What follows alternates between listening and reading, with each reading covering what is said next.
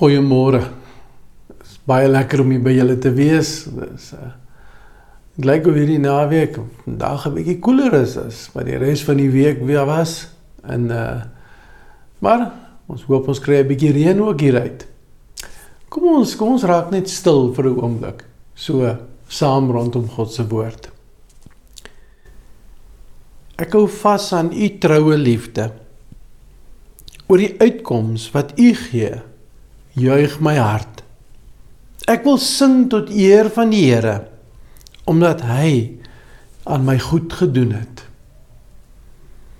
Dis die die gesindheid waarmee ons kom na God se woord toe. Ons wil juig, ons wil bly wees vir wat hy elke dag nog aan ons doen.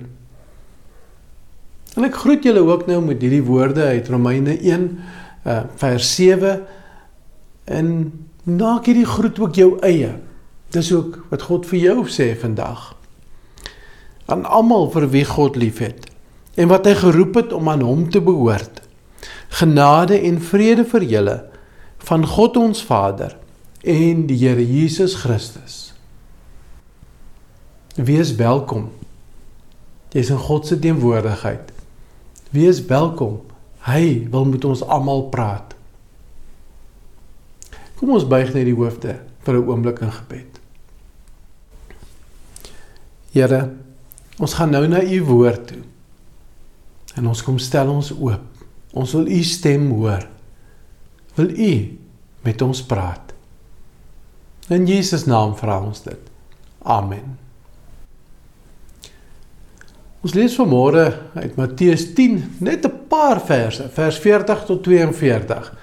Maar ek gaan dit vir julle lees uit die direkte vertaling uit. So kom ons luister.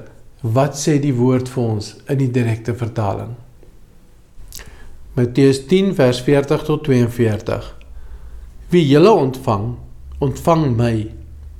En wie my ontvang, ontvang hom wat my gestuur het.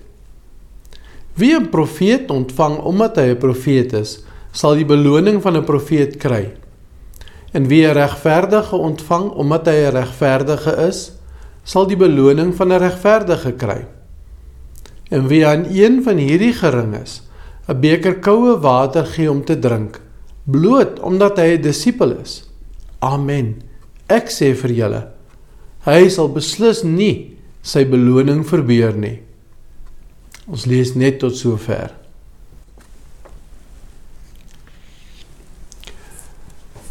Wat hoor jy as jy na hierdie woorde luister? Kan ek dalk probeer raai? Die meeste van ons hoor eintlik twee goed. Dadelik. Ons hoor 'n fokus op beloning en ons hoor hierdie woorde as 'n opdrag. Ons moet ander ontvang. Dink so 'n bietjie. Is ek dalk reg? Hoor jy 'n opdrag in hierdie gedeelte? Ek moet ander ontvang. Ek moet ander verwelkom. Dan is daar 'n beloning. Ek moet goed wees vir ander. Al is dit net 'n beker koue water wat ek kan bekostig, wat ek mee kan sorg. Wat daarvan as dit dalk nie is wat daar staan nie. Ons lees maklik vers 40 se klem mis. Wie julle ontvang, ontvang my. Wie my ontvang, ontvang hom wat my gestuur het. Jesus kom plaas sy hoorders hier nie in die posisie van hulle wat die gasvryheid aanbied nie, maar is diegene wat die gasvryheid ontvang. Mense wat ontvang word, mense wat verwelkom word, aanvaar word, mense wat welkome gaste is klink die teks vir jou ook sommer skielik anders. Veral as onthou, as ons onthou dat in die antieke wêreld gasvryheid 'n baie baie belangrike saak was. Jy het nie net die persoon wat voor jou staan verwelkom nie, maar jy het die gemeenskap en die familie van waar hy gekom het saam met hom saam met hom verwelkom want hy het hulle verteenwoordig by jou. In terme van hierdie teks kan jy sê dat as jy 'n volgeling van Jesus verwelkom, Verwelkom jy Jesus sowel as die een wat hom gestuur het, die Vader. So veel eerder as 'n bevel om ander te verwelkom, is hierdie teks 'n belofte. As julle Jesus se volgelinge verwelkom word, bring julle Jesus en die Vader se teenwoordigheid in daardie huis in. Skielik raak dit nie raak die vraag nie meer of ek ander verwelkom nie, maar of my teenwoordigheid iets van God se teenwoordigheid verander bring. Dit is 'n baie moeiliker saak as om net ander te verwelkom. Onthou maar die konteks van hierdie hoofstuk. Gaan lees so van van die begin af, vers 5 al. Sê Jesus dat hierdie disippels gestuur word. Vers 16 so skape onder wolwe eh, in. En as gestuurdes bring hierdie disippels iets van God se teenwoordigheid met hulle saam. Dit gaan nie net oor my nie. Dit gaan oor iets iemand wat ek saam met my neem. Jesus en God se teenwoordigheid. Nou, wat beteken dit vir my vir elke dag se lewe? Wat beteken dit vir my omgang met ander mense? Wat sê dit vir ons oor kerk van Christus wees? Ek dink dit dit begin deur vir ons te sê kerk is nie net die vier mure van die kerkgebou nie. Dis nie waar ons werk begin en eindig nie. Ons werk, ons Christen wees, ons getuie wees, ons disipel wees is daar by my werk in die dorp tussen mense.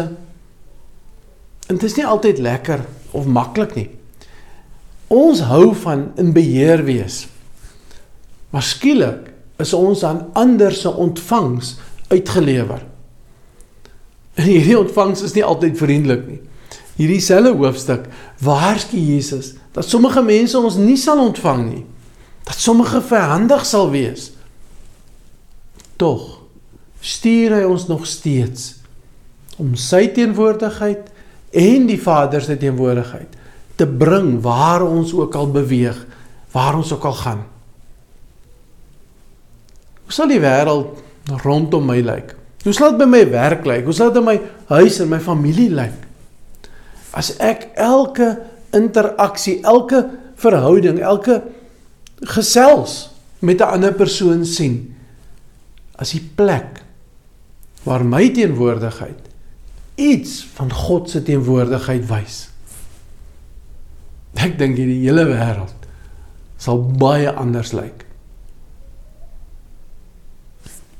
Ons, ek en jy, kan deur die genade van die Gees wat vir ons daartoe in staat stel, hierdie week, hierdie dag God se teenwoordigheid verander wys en naby bring. Kom ons doen dit van harte. Amen. Kom ons buig weer die hoofde in gebed. Here, dit is so maklik om alstyd na ons toe te bring. Ons moet ontvang, ons moet gasvry wees, ons moet dinge doen. Maar U plaas ons in die moeilike posisie van ontvang. Ontvang gasvryheid ter wille van U. Neem neem iets van u teenwoordigheid saam na ander mense toe. Nou is ons nie meer in beheer nie, Heer. Ons is uitgelewer aan u genade en aan ander se ontvangs. Help ons dat ons soos Paulus sal weet in alles is u genade vir ons genoeg. In alles hoef ons nie en mag ons nie en kan ons nie op ons eie krag staat maak nie. Dat ons hierdie week u teenwoordigheid bekendstel vir almal. In Jesus se naam vra ons dit. Amen. Dit was lekker om weer eens saam met julle te kan kuier en weer eens saam met julle te luister na God se woord. Ontvang ook nou sy seën en gaan hierdie week in met sy genade. God die Vader sal julle altyd lief hê. God die Seun sal julle altyd genadig wees. God die Heilige Gees sal julle altyd vertroos en jou in sy waarheid lei. Amen. Mag dit goed gaan. Wees veilig. Bly gesond. Sorg vir jouself en wys vir ander iets van God se liefde. God se teenwoordigheid. Laat dit goed gaan met julle. Totsiens.